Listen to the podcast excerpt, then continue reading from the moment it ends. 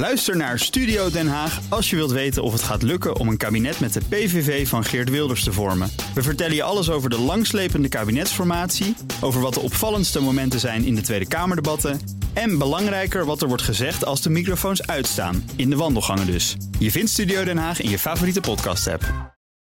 De column van Bernard Hammelburg.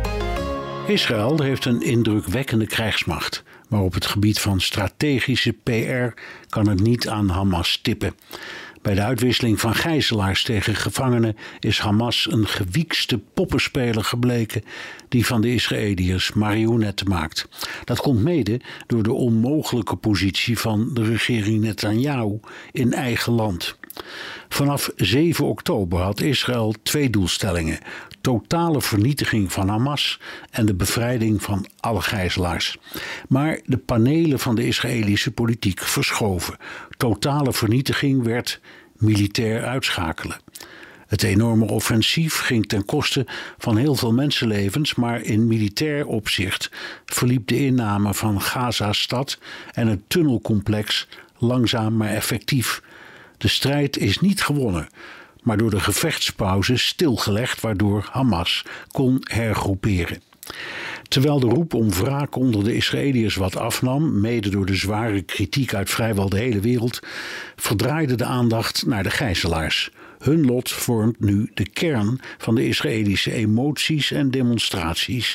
Eerst alle gijzelaars is nu de nationale strijdkreet.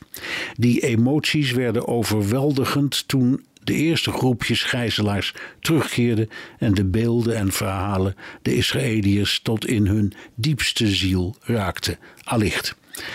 De regie was in handen van Hamas, dat de spanning opvoerde. Zouden die twee roodharige kinderen er vandaag bij zijn? Of dat kleine meisje? Of die moeder of oma?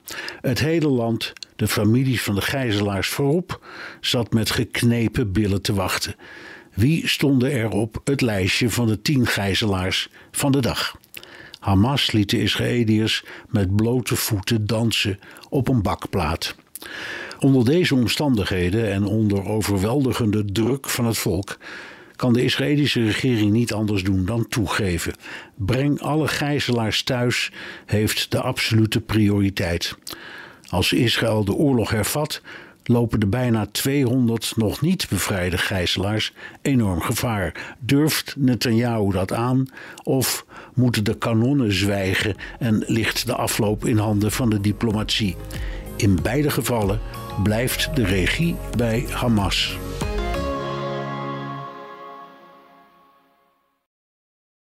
Ook Hugo Reitsma vind je in de BNR-app. Superhandig die BNR-app. Je kunt alle programma's live luisteren, breaking nieuwsmeldingen. Je blijft op de hoogte van het laatste zakelijke nieuws. En je vindt er alle BNR-podcasts, waaronder natuurlijk de belangrijkste, Boeken zijn in de wijk. Download nu de gratis BNR-app en blijf scherp.